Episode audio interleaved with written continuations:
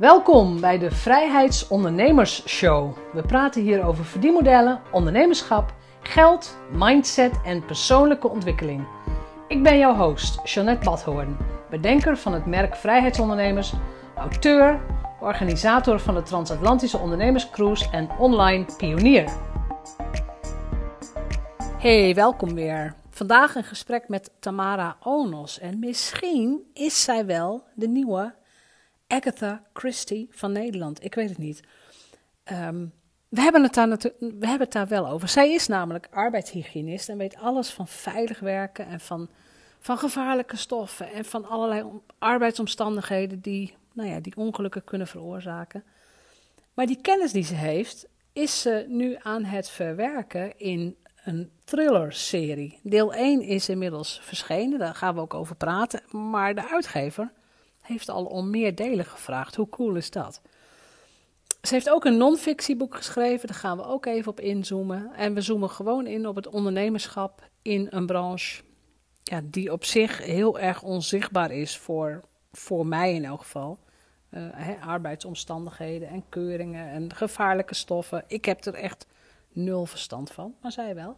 Dus ik wens je heel veel, gesprek, of heel veel plezier bij dit gesprek. Geniet je van de interviews, geniet je van de gesprekken, geniet je ook van de inzicht in ondernemerschap. Laat het me weten of schrijf een review op iTunes. Dat zou zeer gewaardeerd worden. Dankjewel. Tamara Onos, welkom. Dankjewel. Volgens mij ben je de eerste arbeidshygiënist waar ik mee praat. Daar kan ik me zo uh, iets bij voorstellen, inderdaad. Ja, ja. Want als jij jezelf zou voorstellen, ik, ik heb je website gelezen, maar als jij jezelf voorstelt op een zakelijke netwerkbijeenkomst, zeg je dan ook ik ben arbeidshygiënist of begin je anders? Meestal wel. En soms zeg ik ik ben arbo-professional. Uh, ja. Maar bij de uitleg zeg ik altijd dat ik uh, uh, bedrijven en brancheverenigingen adviseer, zodat je werknemers niet ziek worden door het werk. Dat zij gezond hun pensioen halen. Dus dat vind ik een positieve insteek. Dat, dat je werknemers, dus dat je mensen gezond nou, ouder kunnen worden. Ja, en, inderdaad. Ja. Gezond van het pensioen genieten. Want uh, ja, bij sommige beroepsziekten waar ik dan mee te maken heb, ja, die komen na 20, 30 jaar. En dat is dan uh, vaak ook in je pensioen. Hè? Dan uh, word je alsnog ziek. Ja. ja, dan heb je het over, nou ja, dat zijn geen leuke onderwerpen, maar de asbestachtige dingen en zo. Asbest, chroom 6, uh, dieselmotoremissie, ja. nou ja, goed, dat soort uh, dingen. Ja, daar, ja. daar ben ik mee bezig. Ja, ja als, als ik dat hoor, dan denk ik nog niet aan iemand die bijvoorbeeld een thriller heeft geschreven of die een boek over alledaagse gevaren heeft geschreven. Want jij zegt dus niet, ik ben ook auteur. Nee, dat is waar. Uh, nee, nou, ik heb het sinds kort onder mijn handtekening staan. Goed zo. ja, ja, dus dat is al één stap. Um, en ik, het voelt ook al niet meer als hobby, zeg maar. Het is echt uh, een. ik ben het allebei. Dus zowel arbeids... Ben, ben je ermee begonnen als, als een soort. Ja, was het een hobby toen je begon, of hoe moet ik dat zien? Ja, het was absoluut een hobby. En op een gegeven moment was het wat rustiger in het werk. Uh, en toen dacht en ik wist, nou, over twee maanden uh, begint weer een grote opdracht. En toen ben ik gewoon, uh, heb ik dat boek opgepakt, wat, wat al een tijd in mijn hoofd uh, zat. En, en dat was het fictieboek? Dat is het fictieboek, ja, de thriller. Ja, de thriller. Ja. Als we daar nou eerst eens op induiken. Hoe besluit je dat je een thriller gaat schrijven? Want dat lijkt mij vreselijk moeilijk. Ja, maar uh, dat is wel het genre wat ik vreselijk leuk vind. Echt van jongens aan al, hè? Een beetje ja. de vijf of de nou, wij zeiden altijd Agatha Christie, waarschijnlijk heet ze Agatha, maar uh, wij ja, Agatha. Agatha Christie, ja, die heb ik ook eindeloos gelezen. In, ja. Nou ja, toen ik 13, 14, 15 was. Later in het Engels, voor, uh, voor, uh, voor, om je taal te verbeteren. Ja, ik heb ze nog staan hoor. Die kan ik dus niet wegdoen, absoluut niet. Nee, het zijn klassiekers hè? Ja, ja. Um, en ik, ik dacht van, nou ja, dat, dat vind ik leuk. Dus, ehm, en wat, wij, uh, wat ik met mijn zoons nog wel eens doe, zijn die, ja, die uh, blackbox uh, vraagstukken, weet je wel? Dus er ligt een duiker midden in een verbrand bos, hoe komt hij daar? Nou, dat is een spelletje, hè? Dat is een spelletje. En ik liep ja, dat heb ik wel eens gedaan. Ja. ja. Nou, dat is superleuk. Dat vind ik heel moeilijk.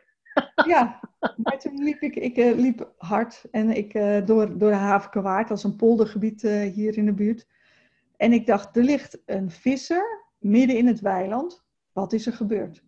En wat zou ik dan als arbeidshygiënist, denk ik wat anders dan jij of een politieman. Dus welke opties zijn er? Nou ja, en vanuit daar is het gaan groeien. Ja, want hoe heb, jij, hoe heb jij de kennis die jij als, als professional hebt, hè, over arbeidsomstandigheden en gevaarlijke stoffen enzovoort, hoe heb je dat in, je, in een thriller kunnen verwerken? Um, nou, je ziet in die thriller uh, een aantal mensen met uh, klachten of, of effecten. Dat heb ik doorgerekend. Dit was de blootstelling. Zoveel hebben zij voor hun kiezer gehad. Welke effecten kun je dan zien? Weet je, dus dat, dat is echt mijn vak. En dat is dus gewoon echt fact-based. Dat is gewoon. Dat, dat klopt. Ja. Ja, ja. de berekening ja, ja, ja. zo opstuurde. Die is al één keer gevraagd door iemand. Die, de, ja, maar ja, het moet gewoon kloppen. Dat ja, snap dat ik ook. Ja. Met politieprocedures heb ik af en toe uh, wat uh, makkelijk gedaan, weet je wel. Wat, uh, dat je denkt van nou, die agent die is wat losjes met de regels. Maar de arbeidshygiëne die klopt. Dat kan niet missen.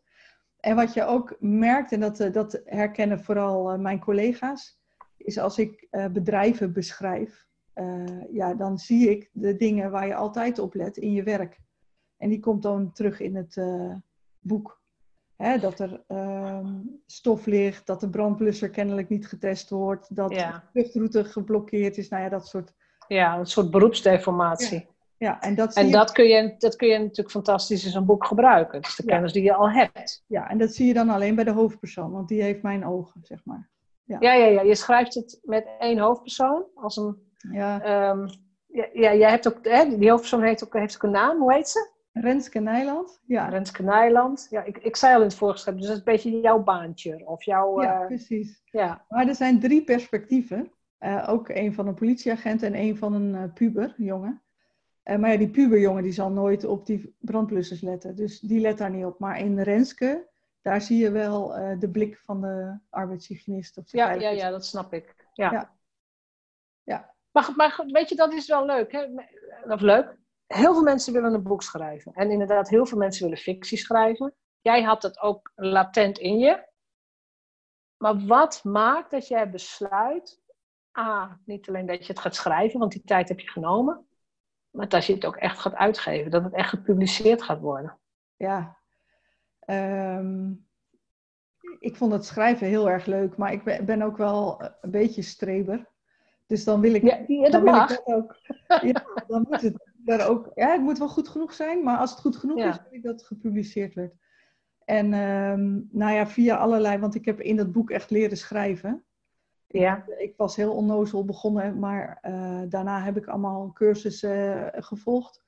Eh, en uiteindelijk, toen het echt wel bijna af was, eh, eh, masterclass bij eh, Marelle Boersma, dus die is thriller-auteur Ja. Geeft cursussen. En eh, nou, daar ben ik met, met nog eh, vijf anderen die ook hun eh, manuscript vrijwel af hadden, hebben we de laatste puntjes op de i gezet. En Marelle was ook degene die zei van ja weet je, het gaat er niet alleen om dat jij een goed boek hebt geschreven, maar je moet het ook in de markt zetten. Dus jij moet nu al werken aan je lezers. En, en van daaruit ben ik gaan bloggen, wat heel eng was. Ja. Ja, was dat ook eng? Vond ik wel, ja. Want die blogs, eh, ja, vaak zie je dat dat dan gaat over... eh, goh, ik had een eh, black... of een eh, writersblog vandaag. Of dit heb ik bedacht. Ik denk, ja, dat vind ik zelf heel... Sorry, geneuzel. Dus ik, ik heb het gewoon... Ik zag een krantenbericht over mijn vakgebied. En Ja. daar ben ik over gaan schrijven. En dat vond ik super leuk. En toen bleek dat anderen dat ook leuk vonden. Ja, je hebt een hele, vind ik, een hele grappige manier van bloggen, inderdaad. Want het, zijn, het is echt storytelling. Ja, Je vertelt gewoon echt een soort verhaal, maar eh, gekoppeld aan je kennis. ja. Maar Ja. niet, dat, niet dat ik denk, goh, dat heeft iemand anders ook wel geschreven of zo. Nee, nee. Nee. Nou, en, eh, en nu, en daaruit bleek dat, eh, nou ja, een me- medeschrijver van mij, die zei van, wacht even, heb ik nu een hele, hele blog over Chrome 6 gelezen. Ehm, dus je, je geeft die informatie, maar het is niet zo dat mensen die uh, uh, geen beta-achtergrond of wat dan ook hebben, dat die afhaken. Nee, want je, je noemt die termen eigenlijk niet, of weinig. Weinig, ja. Ja, ja, ja, ja, ja. ja, Maar dat was uh, grappig, want dat opende deuren. wat, ja, wat voor deuren? Nou ja, ehm, ik werd gevraagd voor, om mee te denken over bepaalde problemen in ons vakgebied. Um, ja, ik kreeg... Je, je, werd meer als expert gezien? Ja. Oh ja. Ah, ja. ja. Ja, terwijl het, het zijn... Nou ja, ik wil geen Jip en Janneke blog zijn, maar het, zijn, het is uh, Midas Dekkers of... Uh, het, het gaat vrij kabbelend, maar ondertussen stel ik ook wel wat aan de kaak. Ja. Um, het is voor een deel gewoon informatief en voor een deel van, nou jongens, dit loopt niet, want ons systeem gaat daar mank. Nou ja, en dan, dan word je gevraagd. En, en ze lezen het uit, om de, uh, denk ik, omdat het verhaaltje uh, kort is en makkelijk leesbaar. Ja, kort en makkelijk. En ook, want ik heb nu bijvoorbeeld eentje aangeklikt over lippenbalsem. Oh ja. Um, jouw zoon heeft dat gedaan, of je, of je dochter? Wie is dat? Nee, zoon. Ja, dat, dat, ja. dat was een toevallige. Ja. ja, maar het grappige is, ik kan me heel goed voorstellen dat je als, als je daar als journalist op gaat zoeken Hè, wat ja. is het gevaar van lippenbalsem? Je komt ineens bij jou terecht. Um, dan is het makkelijk om jou te bellen. Ja. Want je hebt, je hebt hier toch al verstand van. Ja. Ja, ja en, en waar het eigenlijk bij al die onderwerpen om gaat, is dat uh, wij beoordelen blootstelling. Dus je kijkt naar gevaar, blootstelling. En op basis daarvan zeg je van, is dit nou een risico of niet? Dus daarom kun je zeggen, is die lippenbalsem nou een probleem? Of zijn de rubberkorrels een probleem? Of uh, zijn teken een probleem? Dus je, je, je kan dat een beetje afpellen. Ja. Um, en ik hoop met het, dat laatste boek, hè, dus dat non-fictie, uh, om, die, om die stappen gewoon ook uh, over te brengen. Zodat soms zijn er van die paniekberichten in de, in de krant. Klopt. Dat je kan kijken van wat weet ik nu en wat moet ik daarmee en wat betekent dat voor mij. Dus, en, en dat komt omdat jij wel de feiten en de nuance kunt inbrengen waarschijnlijk. Ja, ja. ja. En, ik, en ik kan aangeven van nou hier kun jij informatie vinden daarover. Ja. ja. Als we nou eens teruggaan naar jouw thriller, naar Renske Nijland. In hoeverre, in hoeverre zit zij in jou? Ja, nou er waren natuurlijk collega's genoeg die dingen herkenden. Ja. Um, uh, zij, zij is echt niet mij, maar ik heb natuurlijk wel vanuit mijn eigen ervaring geput. Dus er zit echt wel wat hier en daar van mij in. En er zit wat van mijn collega's in. Dus, uh, Hoe is ze anders? Uh, nou, zij, oh, dat is ook wel grappig, want zij is arbeidshygiënist, maar ze wordt ook opgeroepen bij calamiteiten. Hè? Dus dat is, oh ja, je hebt het natuurlijk niet gelezen, sorry. Zij wordt ik heb het nog niet gelezen, nee. Nee, Um, en dat is een, een, functie die bij, eigenlijk bij de GGD zit, maar ook nog wel door externe gedaan wordt, die mij echt fantastisch leuk lijkt. Dus zij doet dat werk al. Um, en dan word je dus, als het uh, echt ingewikkeld is en de brandweer komt er niet meer uit, dan word je gebeld zo van, we hebben blootstelling of we zien dit. Wat kunnen we doen en wat zou het kunnen zijn? Ja, ja dat, is, dat is echt anders dan wat ik doe, want ik heb altijd tijd om over dingen na te denken. Uh, Oké, okay, ja. Uh, en dit is acuut. Nu. Dus nu zij zit meer in de frontlinie ook. Ja, ja. Allebei, ja. Hè? Ja, doet ze. Ja.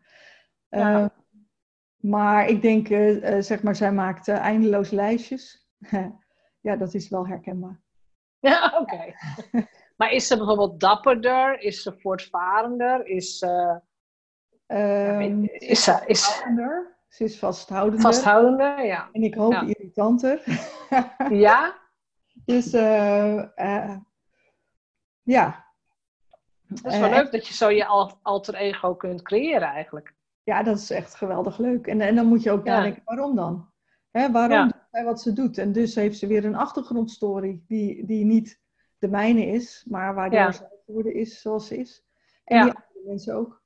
Dus, en dat wordt ook duidelijk in het eerste boek? Of ben je van plan er een hele serie van nou, te maken waar steeds een tipje van de sluier wordt opgelicht? Van, uh, van Renske, daar heb ik uh, uh, nu een, een lijn. Hè? Dus daar leren we in, in ieder geval, ik heb nu zo'n drie delen in mijn hoofd. in de komende twee delen leren we weer wat meer. Ja, precies. Ja. Maar die andere zijn redelijk afgerond en sommige komen ook niet terug eh, in het volgende boek. Ja. Ja. maar zij als hoofdpersoon blijft, blijft ons wel boeien. Ik hoop het. Ja, hoop- ja dat hoop Ja. ik ook. Ja, Dat hoop ik ook. ja. En als we dan eens gaan kijken naar, naar jou, gewoon naar, naar, heel droog naar jouw beroep, arbeidshygiënist. De meeste mensen die gewoon eh, een beroep hebben, nou jij doet het wel als ondernemer, maar de meeste mensen die gewoon een beroep hebben, die, nou ja, die gaan geen boek erover schrijven. Zo simpel is het. Nee, maar ik heb wel het idee dat eh, binnen de arbeidshygiëne, dat is allemaal wel zo'nzelfde slag mensen.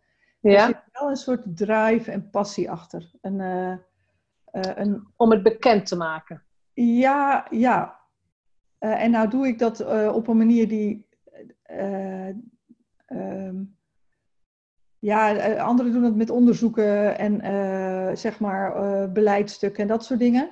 Mhm. Mijn insteek, da- dat was eerst van, hm, nou dat is een beetje grappig, maar toen er een, in de trouw een advertentie over mijn thriller stond, waarin stond arbeidshygiëne houdt zich bezig met, eh, toen hadden ze wel door van, hé wacht even, eh, dit is ook een insteek waardoor je eh, bekendheid aan je vak kunt geven.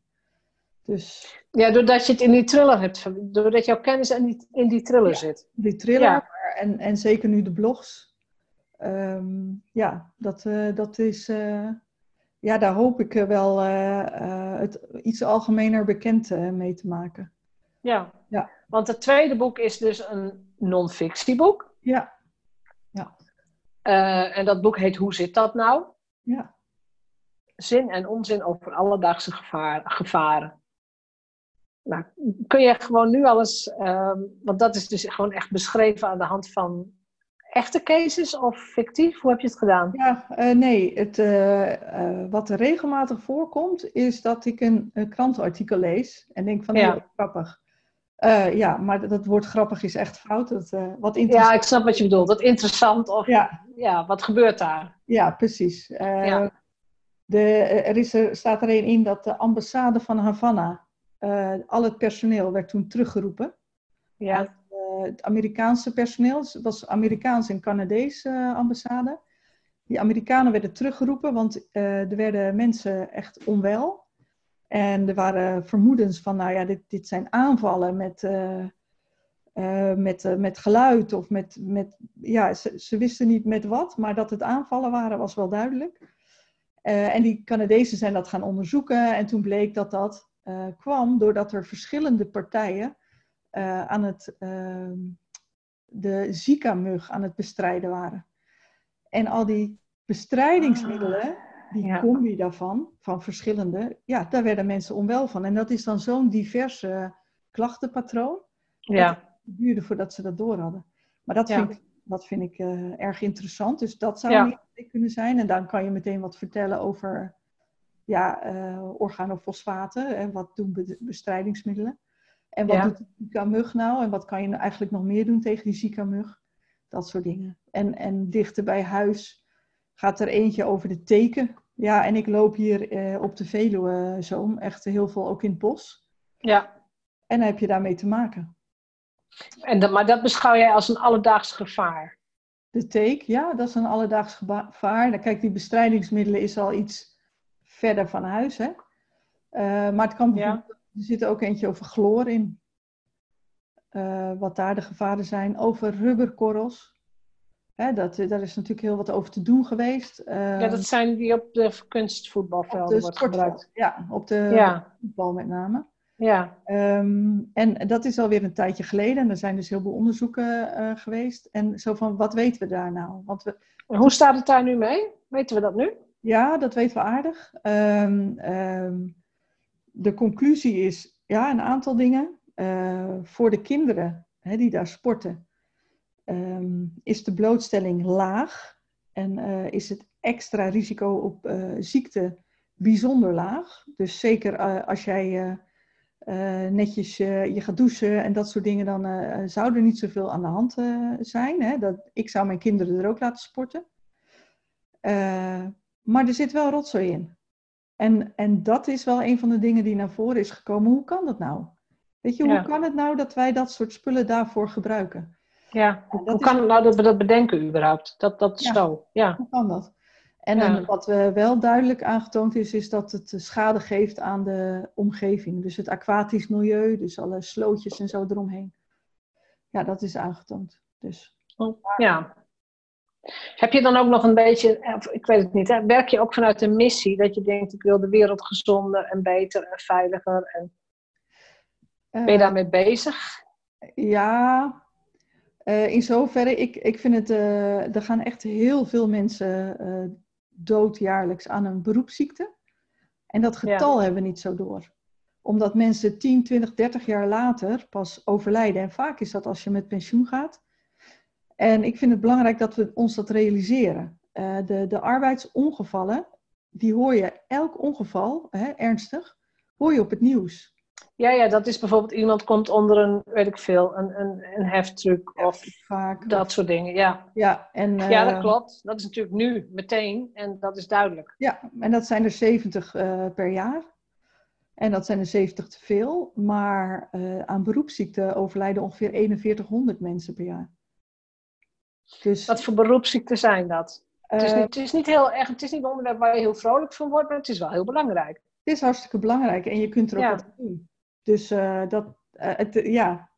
Nou ja, er, er zit nog zeg maar 500 tot 1000 mensen die destijds en, aan asbest zijn blootgesteld.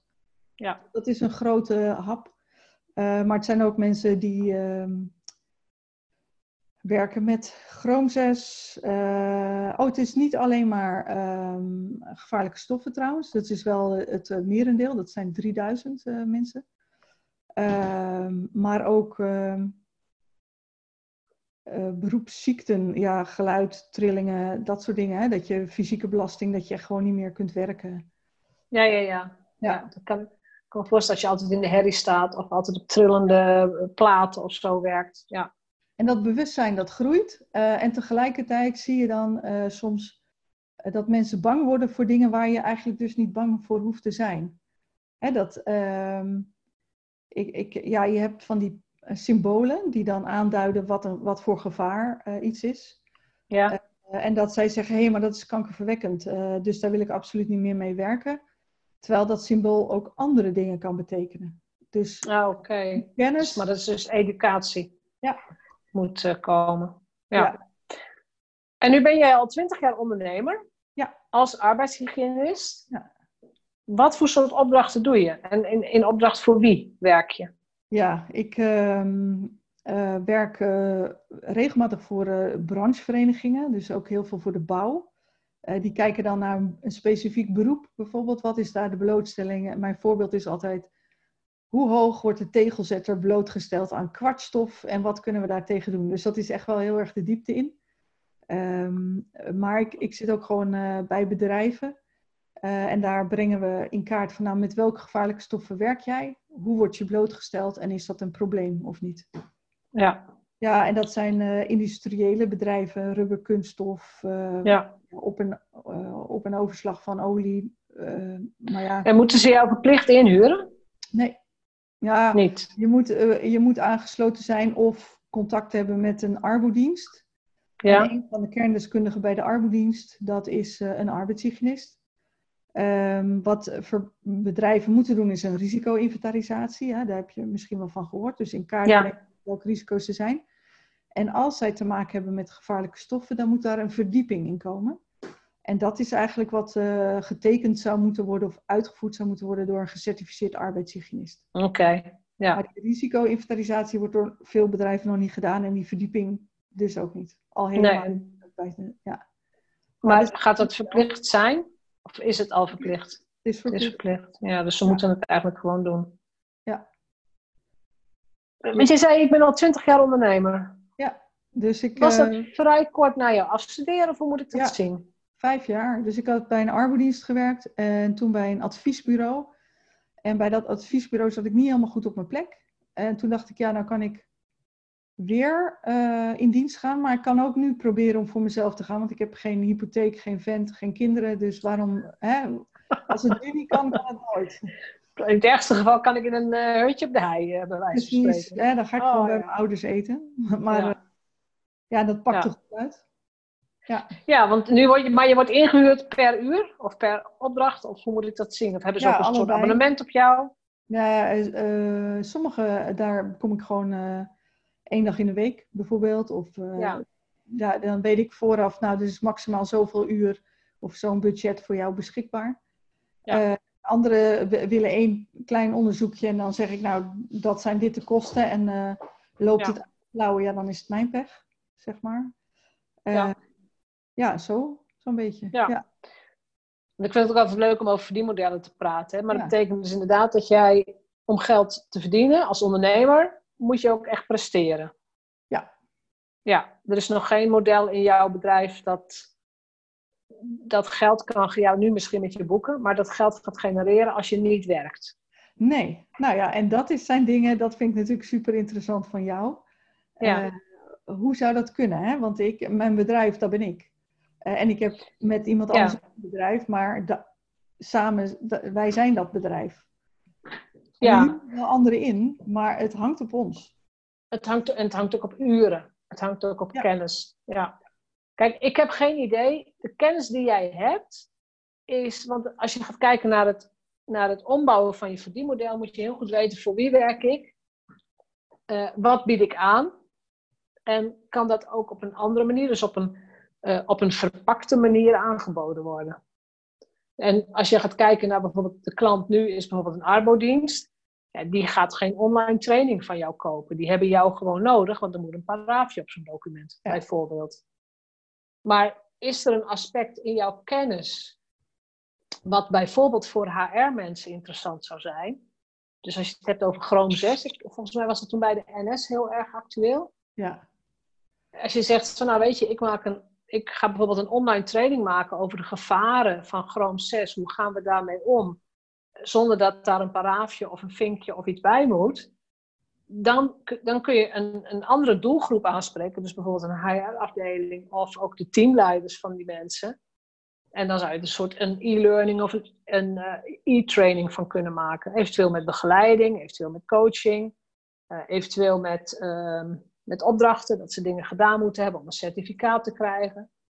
Maar daar kun je wel in uit gaan breiden.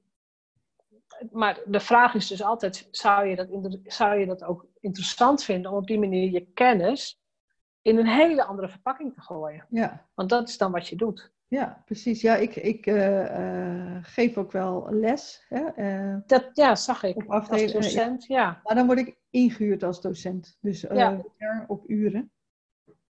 Eh, maar dat is wel een interessante. Dat, eh, deze heb ik opgeschreven. Neem ik eh, mee. Ja, weet je, dan kun je.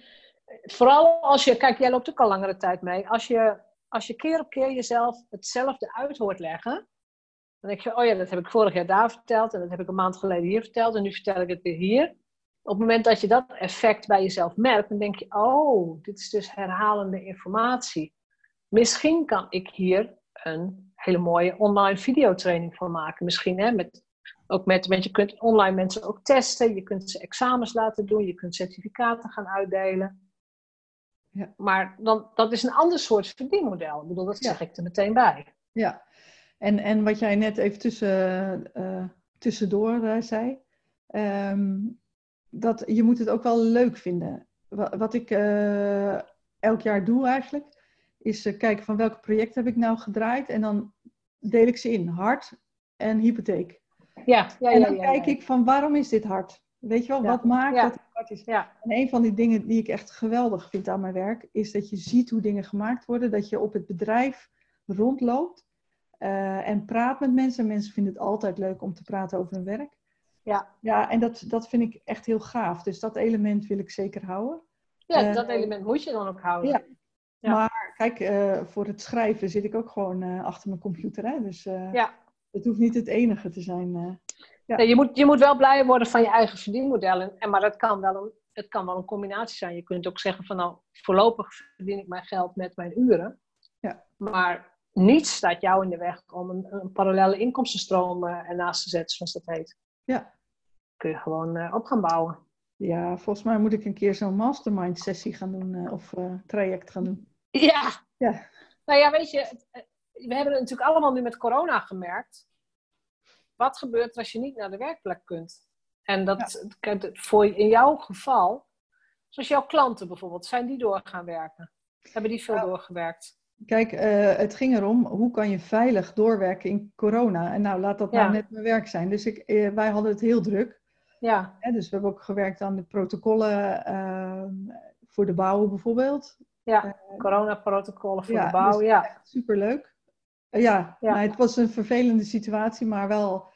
Ja, je werkt opeens met werkgevers, werknemers en allerlei andere arbeidshygiënisten ja, dat ging, er werden beslissingen gemaakt op een tempo uh, wat je normaal niet zou zien. Dus ik, ik vond dat wel een bijzondere periode. Het is een hele bijzondere periode, ja. Ja, maar ook ja. een van de trainingen die ik normaal live zou geven, daar heb ik nu filmpjes van gemaakt. En ik dacht, hé, hey, eigenlijk bevalt me dit best wel. Ja, wat ik vragen, hoe ja. vond je dat? Ja. Want die filmpjes kun je dus gewoon geweldig hergebruiken. Ja, nou ja, inderdaad. Uh, en, en ik vond dat uh, fijn, want ik vind altijd een hele dag lesgeven, vind ik, ja, dan, dan kan je me afvoeren aan het eind van de dag. En nu kon ik het gewoon uh, opsplitsen. Plus, zij hadden een deel eerder, en dus ik kreeg informatie terug van opdrachten en zo. Ja. Waardoor ik het deel wat we wel live hadden kon aanpassen. Ja, en dan kun je waarschijnlijk ook veel toegespitster reageren. Ja. ja. Dus ik, ik was er wel blij mee. Ja. Ja.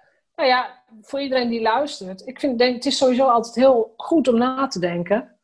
Wat zou ik in mijn bedrijf kunnen gebruiken om... Nou ja, weet je, het klinkt dan heel makkelijk hè, om geld op de automatische piloot te krijgen. Het gaat niet vanzelf. Het is niet zo dat iemand op je site komt en denkt... Oh, weet je wat, ik koop het meteen. Je moet er wel wat voor doen. Maar er staat je niets in de weg om er iets aan te doen. Hm. En jij, jij bent expert, weet je. Daar hoef je niet aan te twijfelen als je, er, je hebt een boek erover geschreven, je wordt ook gezien als expert. Ja, je werkt al twintig jaar als arbeidshygiënist. Nou, als je dan nog geen expert bent, dan ben je, je bent het echt wel. Ja, en dat vind ik grappig hoor, want uh, het, verschil van toen je net van de universiteit kwam uh, en dan moest je uh, bij wijze van spreken bijna je titel gebruiken om geen no-no meer te zijn. En nu hoef je alleen maar binnen te lopen. Ik denk, oh, die rimpels, dat is best wel goed hoor. best en die rimpels, en ze hebben misschien toch al van je gehoord, of je bent al eerder ergens geweest. Ja. ja, en je staat er zelf ook anders. Ja, ja, het, ja je gaat er zelf waarschijnlijk ook staan van jongens. Ja. Jullie maken mij niks wijs. Nee, precies. Nee, ja. nee. Hey, dat, is wel, dat, is, dat is zeker wel leuk, ja. Ja. Is, is er iets in jou veranderd na de publicatie van je non-fictieboek? Dus echt over je werk? Um, dat weet ik nog niet. Want op het moment dat wij dit opnemen. is het uh, nog net niet uit, hè? Nee, nee hij uh, wordt nee. 7 juli gepubliceerd. Maar ja. ik kan wel zeggen, uh, kijk, een deel van die verhalen zijn gebaseerd op de blogs die ik al eerder had. Ja. En dat heeft heel veel, ja, voor mijn gevoel heeft dat echt wel een verandering aangenomen. Ja, denk ja. ik ook. En het is via een uitgever. Ja, beide. Dus, via een uitgever. Ja, en deze... ja dus je bent, ben je hiervoor benaderd of heb je dat gedaan? Ja. Nou, dit was uh, grappig, die, uh, de thriller niet. Die, die heb ik echt uh, rondgestuurd, zeg maar. Ja, ja. En deze, um, dat was... ja, goh. Iemand had mijn thriller gelezen, las mijn blogs en had connecties met Cosmos en die legde dat voor. En toen ja. hebben ze gezegd van, hé, hey, wij willen wel eens met jou praten. Ja, maar ja. dat is ook al een bevestiging van het feit dat je expert bent, hè? Ja. Want een uitgever gaat echt niet zomaar iemand bellen als het, als het nergens op slaat. Nee. Je, dan hebben ze echt al gezien, oké, okay, daar zit echt iets in. Ja. Nou ja, en, en uh, we praten nu over een tweede boek. En dat zou dan uh, met een uh, oud studiegenoot van mij die hoogleraar is geworden. Dus die is echt de wetenschapskant op. Ja. en dan vroegen ze toch ook weer mij bij, omdat kennelijk kan ik moeilijke informatie vertalen in makkelijke tekst. Ja, jij schrijft heel makkelijk, heel, heel ja, luchtig is het woord niet. Ja, misschien is het ook wel luchtig, maar je, ik als, als leek, ik snap het. Ik snap ja. waar het over gaat en ik, en ik lees het uit. Tenminste, ik heb je, een paar van je blogs gelezen, ik lees het gewoon uit. En ik denk, oh, dat is helemaal geen vervelende informatie of zo. Nee, en ik weet hoe ontzettend, hoe ontzettend gemakkelijk het is om dingen saai op te schrijven. Dat je iets leest en dat je denkt, oh. Ja. Ja, en dat ja. heb jij niet, nee. Nee, nee dus, dus ik, snap dat ze je erbij gevraagd hebben, ja. Ja, ja. dus dat is een deel van je, uh, je kennis, hè? Ja. Ja. zeker, want alles, alles is terug te voeren en, en terug te vinden ook in de bronnen. Ja, Ehm, en da, en da- wat dat betreft is deze wel enger hoor, want eh, ik heb hem ook heel goed laten proeflezen. Ik ga natuurlijk niet zomaar wat eh, op, eh, op de markt gooien. nee. Maar reken maar dat, dat daar zometeen duizend collega's naar gaan kijken. Zo van, klopt het wat er staat? Ja, je bedoelt, dit, dit non-fictieboek voelt enger dan de thriller. Ja, die thriller voelde ook eng hoor. Want eh, daar was ik, ik ben professional. En Ja. daar laat je opeens kanten zien, want het is een Nederlandse thriller, dus er komt seks in voor. En, en dat boek werd, ja, het werd op een gegeven moment gelezen ook door eh, de, de symposiumcommissie van onze vak. En ik, nou, ik heb bijna niet kunnen slapen. En zij hadden echt zoiets, nou, die, die, waar heb je het over, weet je? Eh, Ja. Maar ja, vervolgens wordt het uitgedeeld op een symposium ook. En lezen al je vakgenoten dat. En dan denk ik, oh, wat moeten ze wel niet denken? Ja, Nou ja, nou, wat zeiden ze? nou, dat ze het eh, hartstikke leuk vonden dat ze hun vak herkenden in dat boek. Ja, Ja, ja, alleen maar positief. ja, ja. Het is wel grappig wat je zegt, van ja, er komt ook seks in voor. Ja, nou ja, Ja, je hebt ja, kinderen, je hebt kinderen dus. ja, ja, precies. Ja. Mijn ouders lezen het ook. Ja. Ja. Nou ja, maar dat is natuurlijk wel zo met een boek waar enigszins misschien iets autobiografisch in zou Ja. zitten. Dat zou heel goed kunnen, ja. Ja. Dus, En eh, van die, thriller, met, van die thriller ga je een serie maken. Er komt nu een boek met een, met een hoogleraar samen, ook weer bij de uitgever. ja, dat is helemaal nog beginstadium hoor. Dus ik, ik heb afgesproken, ik, ik ga nu eens, eh, hoe, hoe zit dat nou? En daarna komt Renske 2 en daarna, weet je, ik kan niet Ja, ja, ja, twee ja. boeken tegelijk schrijven. Dat kan niet. Nee, Nee. dat snap ik ook. Zeker bij zo'n thriller moet je volgens mij helemaal in de verhaallijn blijven en zo. Ja, Dat is echt wel ingewikkelder dan de korte verhalen. oh ja, dat Ja. geloof ik ook meteen hoor. Maar is dat boeken schrijven, is, is dat iets wat jij als kind ook al deed? Ja, Ja, ik, ik zie jou knikken, want wij zien ja en dat is grappig. Ja. Want dat hoorde ik ook terug in jouw eh, podcast. Eh, Ja. van, ja, ik heb altijd al geschreven. En eh, het is een dagboeken en dat soort dingen. Eh, Ja. Maar het is ook een manier, eh, als ik het op kan schrijven, dan snap ik het. Dus het is een manier om grip te krijgen op de situatie. Ja. Ja, dat hoor ik heel vaak, ja. Weet je, of eh, echt vervelende situaties, dan ja, ik dwing mezelf daarmee om, om te kijken wat is er nou eigenlijk aan de hand. Eh, en waar maak En dan is het ook meer therapeutisch schrijven, bedoel Ja. je? Ja, Ja. bijna wel. In sommige gevallen Ja. echt wel. Ja. Ja. Dus, Ja, ja het- het is inderdaad, ik heb inderdaad gasten gehad die ook eh, die elke dag in een dagboek schrijven, nog steeds. Maar ik heb ook wel gasten gehad die, ehm, nou, die gewoon hele epistels volschreven, die ook gedichten maakten en, en meisjesverhalen schreven. En, ja, waar het gewoon in zat. ja, ja. Ja. Ik deed wel mee aan elke schrijfopdracht die er was eh, op school, eh, zeg maar. Dat Ja, ja, ja. geweldig, Ja. ja. Geen schrijfwedstrijden? Eh, nee, niet toen ik jong was. En op een gegeven moment toen ik bezig was met die thriller wel. Omdat je dan ook heel goed ja, leert van de feedback. Maar ook, Ja. je moet meters maken. Het is net als elke andere hobby of enigszins talent wat je hebt. Als je, je, je moet oefenen, oefenen, oefenen. Wil het wat worden? Ja, dat klopt. Dat is ook een heel goed advies hè, van jou. Ja. Want je zegt eigenlijk twee, je moet meters maken. Oftewel, je moet er gewoon uren in stoppen en oefenen. Ja. Ehm, en als je naar zo'n schrijfwedstrijd kijkt, feedback krijgen. Ja, feedback Want- is ontzettend belangrijk. Ja, maar hoe, hoe bang zijn mensen daarvoor? Heel veel mensen durven het dus niet weg te sturen. Want dan gaan ze er wat van vinden. Ja, dat is Ja. ook de bedoeling. Ja. Ja. Nou ja, ehm, beter nu dan dat het geprint eh, op, Ja. eh, ja, en dan nog, hè, dan, eh, je hebt, het, het blijft smaak. Dus ook met alle feedback, dan moet je echt kijken van wat neem ik nou mee en wat niet. Wat, eh, Klopt. wat hoort bij mij en eh, Dat klopt. Ja.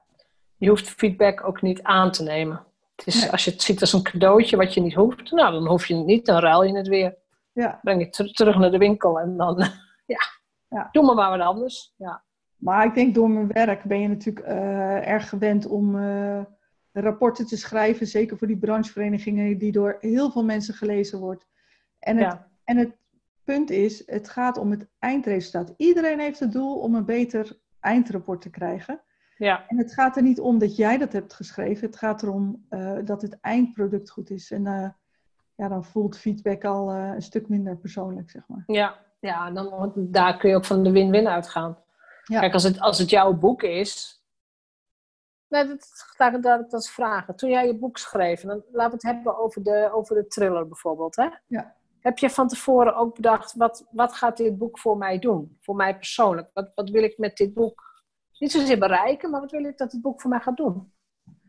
Ja, nou, uh, ik, uh, ik hoopte uh, dat het ehm, mij zou helpen om eh, dat, dat schrijven iets serieuzer eh, op te pakken. Hè? Dus dat het de weg naar het schrijverschap.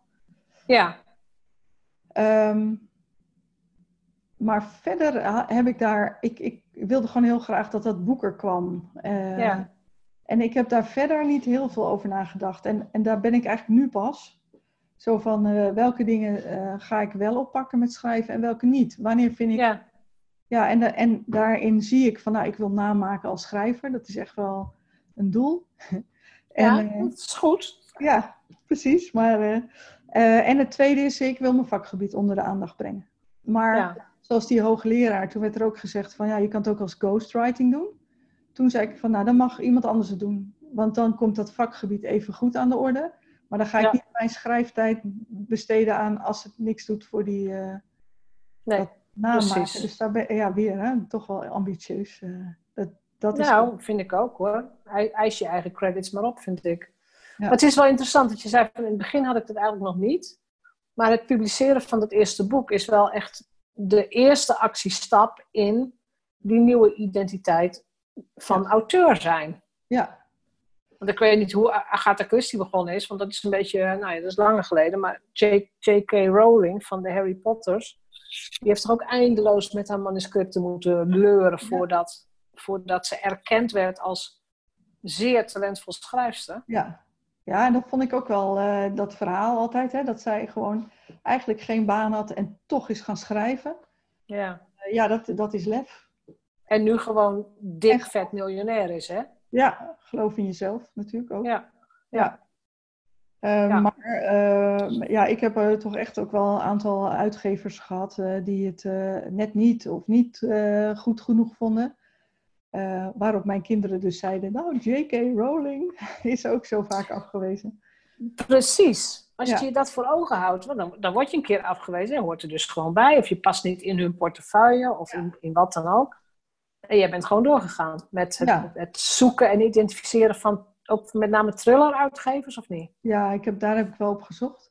Ja, Ehm, en, eh, en, op en dan kom je dus bij een uitgever die heel goed bij je past. Weet je, Ja. eh, waar je je goed voelt. En die nu dus ook zegt, nou joh, prima eh, dat jij eerst een non-fictieboek bij een andere uitgever schrijft. ja, Ik hoop dat je wel weer terugkomt met deel 2, zeg maar. Ja, Eh, ja, ja. ja. Die, die zien de potentie in de serie. Ja, en ik denk Ja. dat ook, kijk, als mensen dit boek leuk vinden en achterin zien, hé, hey, ze heeft ook een thriller gelezen. Wie weet wordt die dan ook alweer opgepakt. Het is wel misschien een ander slag mensen. Maar goed. Hè, de, Nou ja, weet je, al is het maar als cadeautje. Dat ze denken, Ja. oh, nou dan geef ik die aan, weet ik veel aan wie. Ja. Hoe belangrijk is het voor jou als het over de thriller gaat? Hoe belangrijk is het voor jou dat het een vrouwelijke hoofdpersoon is? Nou, het, eh, ik heb natuurlijk eh, drie perspectieven. Ja, en eh, dat was Renske. En dat is gewoon een vakvrouw. eh, eh, zelfstandig, dopt haar eigen boontjes. Ja, en dat is wel het figuur waar, wat, wat ik, ja, waar ik me ze mee wil vereenzelvigen, zeg maar. ja, ja, ja, ja. Maar daarnaast was natuurlijk ook één politieagent en één puber van 16, 17, zoiets. Ja, en die waren mannelijk. Die waren mannelijk, ja, toevallig. En, en in in het volgende deel, eh, dan eh, is het twee vrouwelijke, dus Renske, een vrouwelijk perspectief en, eh, en dan nog een mannelijk. Ja. Dat is net hoe het verhaal uitkomt. Dus Renske is de stabiele factor. Ja, De andere is net van welke, uit welke ogen ik het verhaal wil schrijven. nou ja, ik vind het wel iets, ook als vrouwelijke auteur, om, om daarover na te denken. Want kinderboeken bijvoorbeeld, heel vaak als het over heldenverhalen gaat en dingen, hè, missies en zo, ja, dat zijn altijd jongetjes, als je er niet op let. Hè, als je als, als schrijver niet op let. Dus schrijvers die dat weten, die brengen ook altijd meiden in, of meisjes, of hoe je dat noemt, om ook helden, om Ja. ook de held te zijn, om ook avonturen te beleven. Ja. Ja. Ja. eh, En in nou, dit genre vind ik het ook wel interessant, ja, dat het niet een saaie mannelijke detective is met een eh, norsig uiterlijk en eh regenjas of wat dan ook. Maar gewoon een, een nou ja, jonge sportieve meid of zo. ja. Ja. En, en ik ben afgelopen jaar dus vrouwentriller van het jaar geworden. En dan is Kijk, vraag, wanneer is het nou een vrouwentriller? En dat vertaal ik altijd als een, een sterke vrouw in de hoofdrol. Ja. Ehm, je kan ook zeggen, dit zijn boeken die door alleen vrouwen gelezen worden. Maar dat is in mijn geval niet waar. Want er zijn heel veel vakgenoten die toch voor een groot deel ook man zijn. ja, nee, dat precies. Ja. Ja. En weet je, en al zou het zo zijn dat alleen door vrouwen wordt gelezen, dat mag ook. Maar dat is dus niet zo. Nee. Maar hoe belangrijk is dit boek bijvoorbeeld? ehm, nou, mijn dochter is 16, hè? die moet nog een studie gaan kiezen. Zou dit boek ook, of die, of die Renske-serie, zou die ook kunnen bijdragen aan de populariteit van het beroep? Ja, dat hoop ik. Van de studie? Ja, ja. Ehm, en inmiddels eh, moet je via wat omwegen bij die studie komen. Hè? Want ik heb gewoon Wageningen gedaan met als eh, specialisatie milieu, arbeid en gezondheid. En dan werd je onder andere arbeidshygiënist. Ehm, die vakgroep is naar Utrecht en je moet nu wat meer eh, trucs uithalen om het beroep te worden. Maar ik hoop wel dat dat, dat ja, mensen overhaalt om te denken van... hé, hey, wacht even, dit is ook een eh, interessante insteek. Hè? Ik, ik eh, verkocht het bij dat symposium van mijn vakgenoten. Mhm. Als van, ja, weet je, de, de, eh, moet je zien wat de aanloop tot forensisch laborant is nu, sinds de CSI. Dus dit wordt een nieuwe CSI, ja.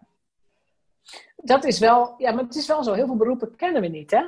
Dus heel Nee. veel beroepen, als je ze niet op tv ziet of je leest er geen boek over. Ja, dan, ik, dan kan ik mijn kinderen ook niet adviseren. Goh, je kunt ook dit worden. ja. Dat- Want Ja. we- we weten het dus gewoon niet. Nee. En dan hebben we nog zo'n Ja. beroepsnaam, hè, arbeidshygiëne. Ze Ja, vragen, dat is een beetje een naam. ja. ja. ze vragen regelmatig Ja. schoonmaken of eh, met hygiëne. Ja. Ja.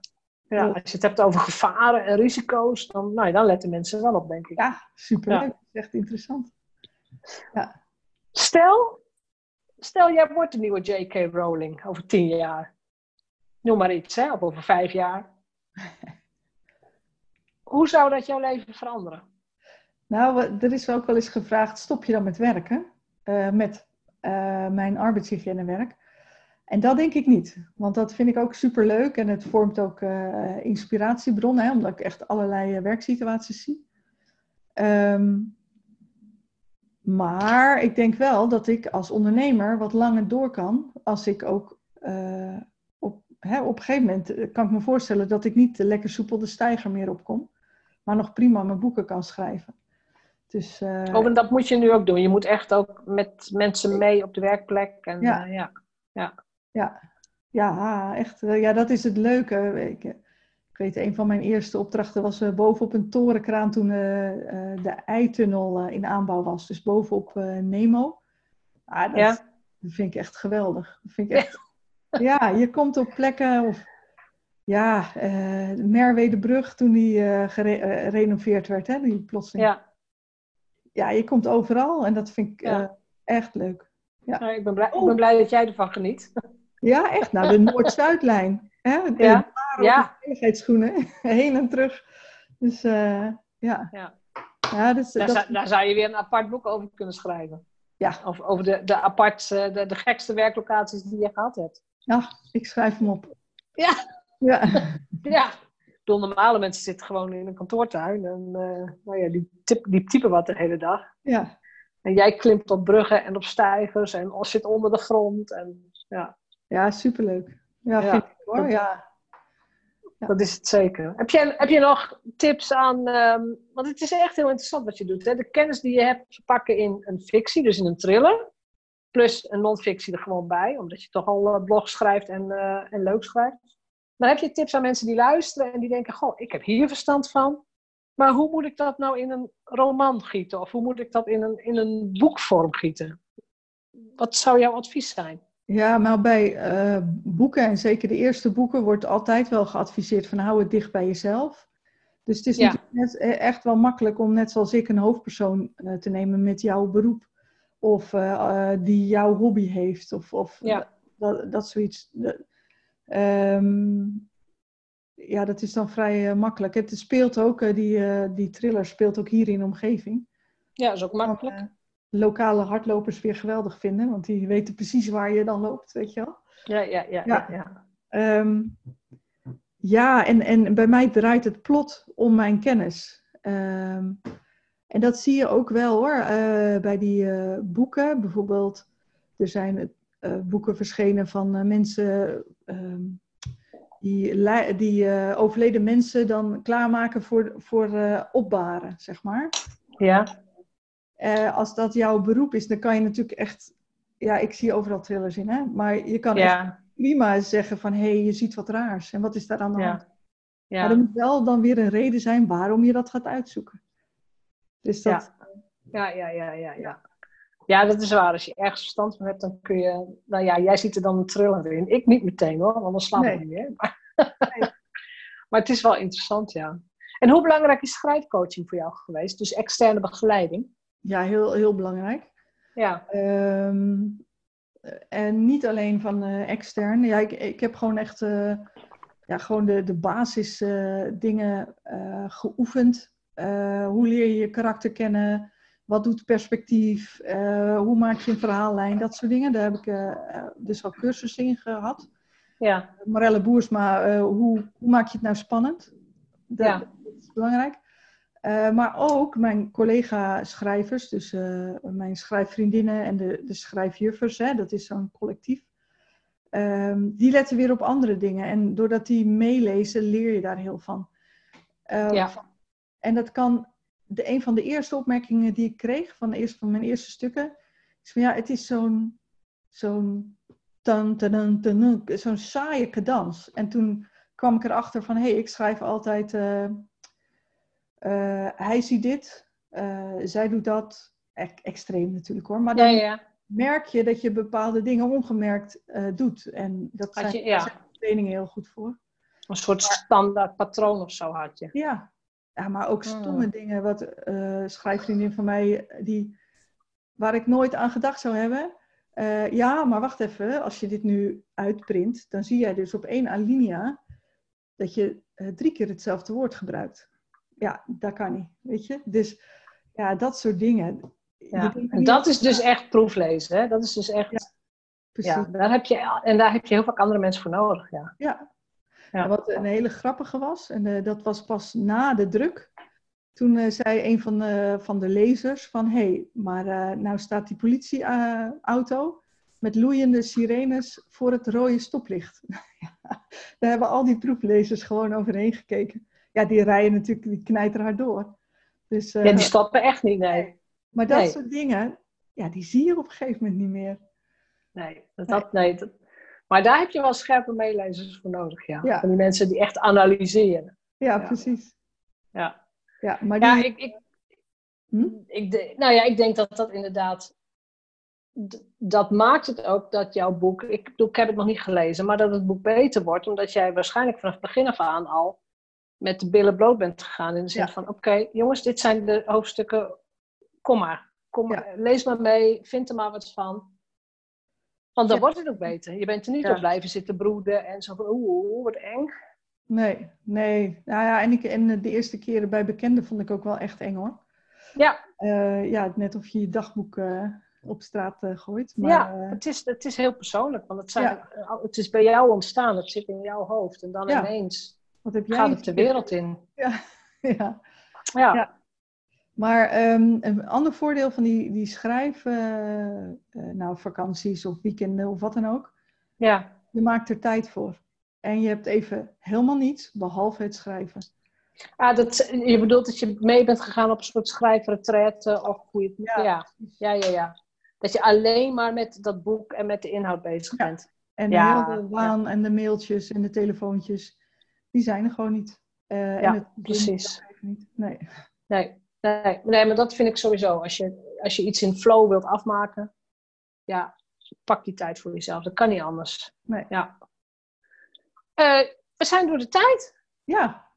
Nou, Ik, ik, ik- weet je, we hadden nog veel meer over, over het vak en over dingen die, die, nou ja, die voor ons als ondernemer, want daar hebben we het niet eens over gehad, hè? Wat zijn nou onze alledaagse gevaren? Nou, goed, dan Ja. moeten we je boek maar gaan lezen. ja. Eh, het boek Hoe zit dat nou? En ehm, ja, ik ben benieuwd naar de, de, de hele serie van Renske Nijland. Ja, Dat, dat er straks gewoon ineens 15 staan en dat wij dan zeggen van nou, wij weten nog dat de eerste is verschenen. Ja, precies. Zo, Ja. En dat je ook kunt zien van, nou, die is wel echt stukken beter gaan schrijven zo, hè? Van, vanaf eh, boek 5. Ja, dat, dat, dat is heel interessant. Ik heb geen idee of ik, bijvoorbeeld toen ik die Agatha Christie dingen las, eh, ik weet niet of ik toen nadacht over de kwaliteit van schrijven. Het ging, weet je, je dook zo'n boek in en dat boek moest uit. Ja, Ja, dus ik had het idee van, nou ja, dat, ik heb nooit nagedacht over de kwaliteit van schrijven daarin. nee. Nee, ik, Nee. en ik weet niet of je, als je dat nu doet, als jij een thriller van andere mensen leest, kijk je dan ook op het metaniveau mee van hoe is Ja. dit opgeschreven? Ja, en hoe heeft ze, oh, heel veel schrijvers zijn ze, maar hoe, hoe hebben ze dat gedaan? Ja. Eh, hoe hebben ze gezorgd dat die eh, eh, hoofdpersoon eh, zeven series eh, lang of zeven boeken lang interessant bleef? Ja, ja, ja, ja. Ja, eh, Ja, en, dus hoe- Dat, dat, dat analyseer je wel. ja zeker.